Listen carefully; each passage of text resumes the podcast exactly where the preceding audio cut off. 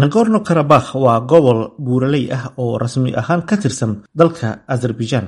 Waxaase ku nool dad ka soo jeeda armeniya oo daris la ah.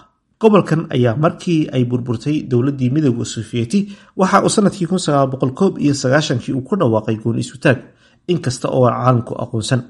Dagaalkan ayaa salka ku haya khilaaf taariikhi ah oo soo jireen ah sida uu faahfaahinayo maxamed cali ciye oo ku takhasusay xalinta khilaafaadka caalamiga ah iyo diblomaasiyadda. Labada dal ee azerbaijan iyo armeniya dagaalka iyo khilaafka ay isku haystaani ma aha mid cusub oo imika yimiday waa dagaal ama khilaaf in muddo ah soo jiitamayay waxyaalaha laysku haysta ugu weyn labada dali waxaa ka mid a dhulka loo yaqaano nagaro karambak oo ah gobol buuraley ah kana tirsan ama ku teedsan xuduudda azerbaijan. Waxay ahayd meel khilaafkani uu soo taagnaa tan iyo intii aanan la dhisin midoogii sovyetig xiisadan ayaa waxaa xakameeyey markii ay azerbaijan iyo armeniya labaduba ay ka tirsanaayeen dowladdii sovyetika laakiin kadib markii uu burburay ama uu dhammaaday midoogii sovyetig dagaalkii qaboobaayo adduunkuna uu dhammaaday ayaa waxaa soo ifbaxay mar labaad isqabsigii iyo dagaalkii labadan dal u dhexeeyey dhulka la yidhaahdo nagaro crambak wuxuu caalami ahaan ama caalamkaba looga aqoonsan yahay inuu yahay dhul ka tirsan azerbaijan. Laakiin waxay leedahay dad u badan armeniyiin kuwaasi oo ka soo horjeeda xukunka azerbaijan. Taasi ayaa waxay dhalisay dadkan armeniyiinta ahi inay armeniya gacan ahaan gacansaar la leeyihiin sidaasina uu khilaafka badiyey waxaa kale oo jirta in labadan dali ay dhabarka ku kala hayaan laba dal oo regionka ah ama gobolka ah awood badanna ku leh saameyn badan oo militarina leh. Halka turkigu uu taageeraya azerbaijan armeniyana waxaa garab weyn siiya dalka russia. Labadaba hadda waxaa laysku haystaa ama ay ku andacoonayaan armeniyiintu in ciidamo turkiya oo ciidamo suuriyaan ah oo calooshoo shaqaystayaala loo soo diray inay ka dagaalamaan degaankan turkiguna uu xagga dambe ka joogo oo uu garab siinayo halka dhinaca kalena raashiyiinta lagu eedeynayo inay garab siiyeen oo ay la garab taagan yihiin wax walba oo macquula oo ay ku garab siin karaan. Laakiin marka aan u soo noqono dunida aan maanta ku noolnahay waxaa la arkaa in labadan daliba ay isku hayaan dagaalo kale oo ka tirsan caalamka sida libiya oo ay isaga soo horjeedaan halka suuriyana ay isaga soo horjeedaan.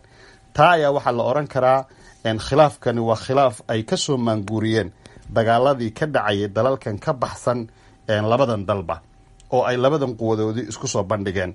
Lagana cabsanayo in mar labaad turkigu uu quwad seenad ah oo weliba droniska ama diyaaradaha aan duuliyaha lahayn ee dadku wadin ay siiyaan. Halkaana awoodoodu ay aada u soo badato azerbaijaniyiinta xiisada udhexaysa labada dal ee armeniya iyo azerbaijan ayaa sidoo kale salka ku haysa xifaaltan ku salaysan dhinaca isirka iyo diinta sida uu sharaxayo doctor cabdiraxmaan maxamed cali oo ka faalooda arrimaha siyaasadda. Labada dowladood azerbaijan iyo armeniya waxaa ka talin jiray boqortooyadii cuthmaaniga ahayd oo boqolaal sano meesha ka talinaysay taasoo keentay armenka iyo turkiyiintu atracta dadka. La yiraahdo inay isdhex galaan laakiin armenku mar walba diintooda way haysteen.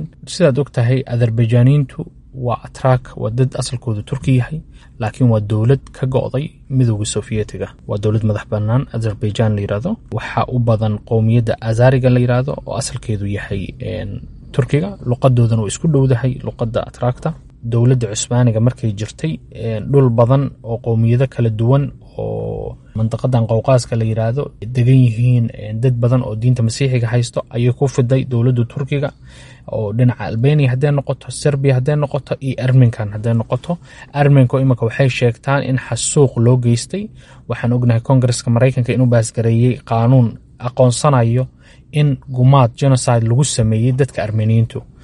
Marka turkigana aad buu ugu soo horjeedaa fikradda haddana wuxuu isku dayayaa turkiga inuu mar walba culeyskiisa saaro maalmahan dambe waxaan la soconnaa miisaanka yurub markaan eegno. Faransiisku inuu culays saarayo meel walba uu turkiga isku dayo inuu culays saaro faransiiska inuu ka hor imaanayo. Waxaa tusaale uu qaadan karnaa imanka sarkozy uu ka hadlay sheekadan inay turkiga isku dayin inay xoog ama la saftaan azerbaijan. Intaas haddaan ka gudubno waxay imanka xaaladda taagan tahay oo laga doonaya labada dhinac inay xabad joojina deg dega ku dhawaaqaan caasimadda nagorno karabakh waxaa iminka ka jira cunto la'aan koronto la'aan iyo dhaqaalihii aad meel xun u marayo culayska waxay saaraysaa dhulka u dhow iiraan ayaa azerbaijan isku dayeysaa inay culays ka soo saarto gobolka nagorno karabakh iiraan iyo ruushkana waa isku mowqif xabad joojin bay doonayaan in si deg deg loogu dhawaaqo. Qaramada midoobay ayaa ugu baaqday dhammaan dhinacyada ku lugtala xiisadan inay u hoggaansamaan xabad joojin islamarkaana miiska wadaxaajoodka lagu xaliyo arrintan